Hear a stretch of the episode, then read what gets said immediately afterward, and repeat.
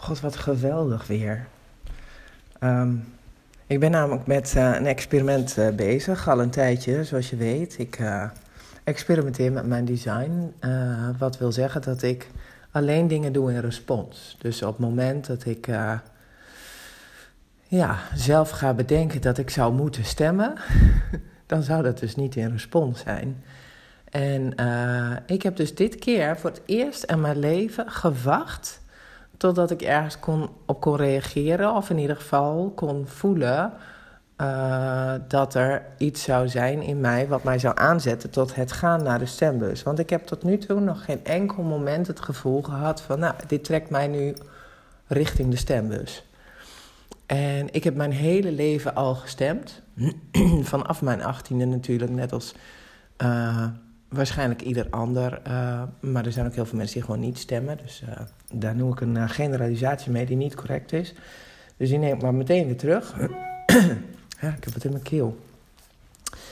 Um, maar ik heb dus mijn hele leven al die gang naar de stembus gemaakt. En altijd eigenlijk vanuit het gevoel dat daar in een verleden een aantal hele moedige vrouwen het, het, het ja, zeg maar, voor ons hebben gestreden dat wij als vrouw ook mochten stemmen. En uh, dat heeft altijd meegewogen in mijn overwegingen om de gang naar de stembus te maken. En uh, ja, hoe moet ik het nou eens even zeggen? Ik vind dat eigenlijk gewoon een, een, een, kullige reden. Want het feit dat ik toestemming heb gekregen om te mogen stemmen, zou mij eigenlijk al iets in mijn nekharen overeind moeten doen staan. En dat doet het ook. Dus die reden had ik voor het eerst maar eens even in mijn leven dit keer sowieso losgelaten. Omdat ik dacht, ja, dat is gewoon echt iets wat, wat dan mijn hoofd tegen mij zegt. Van, ja, je moet wel stemmen, want er zijn vrouwen die dat helemaal voor jou hebben geregeld dat het er is. Dus ja, dan zou je die vrouwen mee tekort doen. Wat een waanzin. Dat heb ik dus echt um, voor het eerst in mijn leven helemaal los kunnen laten. En ik heb er ook geen schuldgevoel over. Nou, ben je dan egoïstisch? Ja, misschien wel, maar ja. Um, ook daar zit ik niet meer zo heel erg mee. Um, dus ja, dan blijft over in mijn experiment daadwerkelijk reageren op iets. Uh, of, of dan zeg maar dat er, dat er iets op mijn pad komt, waardoor ik uh, kan voelen of ik uh, ja, een respons krijg van een ja of een nee. En plop, ineens zit er een audioberichtje in mijn uh, WhatsApp. en dat is, dat is Aafke. En dan denk ik altijd, oh leuk, Aafke heeft weer een braindump. En raad nou waar die braindump denk, dit keer over gaat. Nou, over de verkiezingen. Op de dag van de verkiezingen. en um, nou, wat ik de hele tijd al gevoeld heb, Aafke... Uh, dat wordt nu ook bevestigd. uh, door jouw uh, prachtige uh, toelichting op hoe jij het verkiezingendebat hebt beleefd. Ik heb het in mijn. In, in, ja, in het, ja, zeg maar in vorige keren zeg maar, dat ik dat dan een beetje zat te volgen, heb ik me daar al vreselijk vaak over zitten verbazen. Waardoor ik het ook helemaal um, niet meer wilde zien. Want ja, ik heb exact hetzelfde gevoel als jij van waar is de liefde gebleven, maar vooral waarom zit iedereen elkaar daar zo ontzettend van zijn of haar gelijk te overtuigen. En aangezien ons systeem toch uh, ertoe leidt dat er altijd concessies moeten worden gedaan, kom je never nooit bij datgene waar ze zich dan zo hard van zitten overtuigen uh, in zo'n debat. En met name dat hart, dat is, dat is echt heel erg uh, verhard de afgelopen jaren. Um, en dat, dat vind ik overigens ook in de Kamer. Weet je, toen Alwin nog leefde, die had nog wel eens zo'n neiging om dan gewoon van die Kamerdebatten te gaan kijken. En zich daar dan onwijs over op te winnen. en dan dacht ik altijd, ja, waarom doe je dat dan? Hè? Maar ja, goed. Um, iedereen heeft zo zijn hobby, zullen we maar zeggen. nee, hij kon zich daar echt, echt, dat hij echt zei van, joh, weet je, het lijkt wel alsof ik op Mars zit uh, af en toe. Um, waar zit ik toch naar te kijken? En toen zei ik, nou schat, zet hem maar uit. Er zit een knopje op, je kan hem gewoon uitzetten. En, en dan moest hij altijd wel lachen.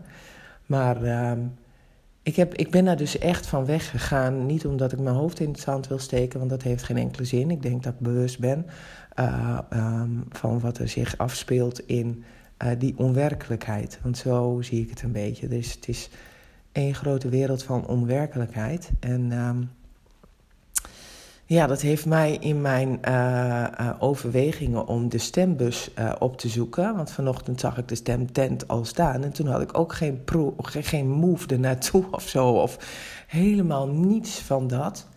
En nou ja, dan komt jouw audioberichtje. En dan, hoor, dan, dan, dan voel ik dus eigenlijk dat mijn hele lijf zegt: van nou, we gaan het dus gewoon niet doen. We gaan voor het eerst in ons leven eens een keer niet naar de stembus omdat ons lichaam ons daar niet naartoe beweegt. En ja, hoofd, je kan er van alles van vinden, maar we gaan het gewoon niet doen.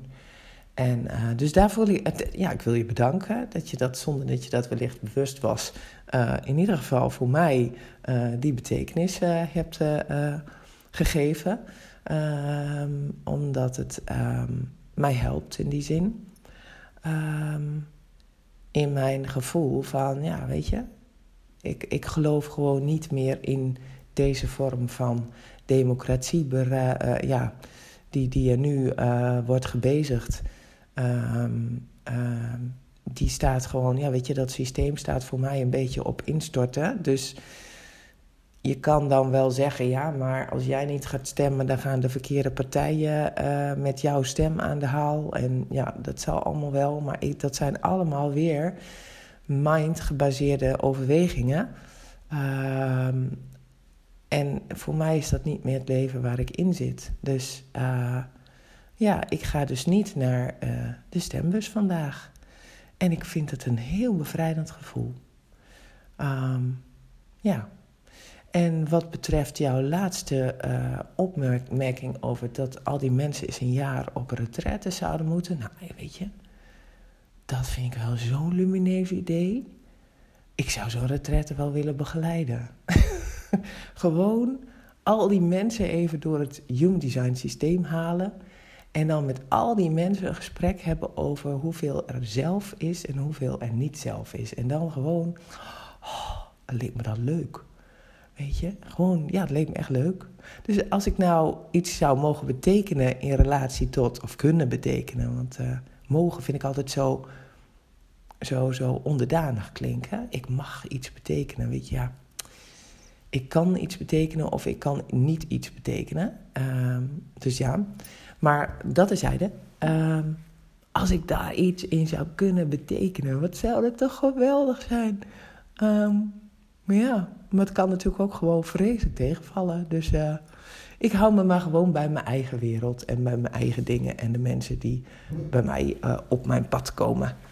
Dat zou ik, uh, ik denk dat dat het beste passend is. En ja, daar word ik ook meest gelukkig van. Dankjewel, Aafke, voor jouw prachtige analyse van de soap die politiek heet. En dit was dan weer mijn braindump daarop.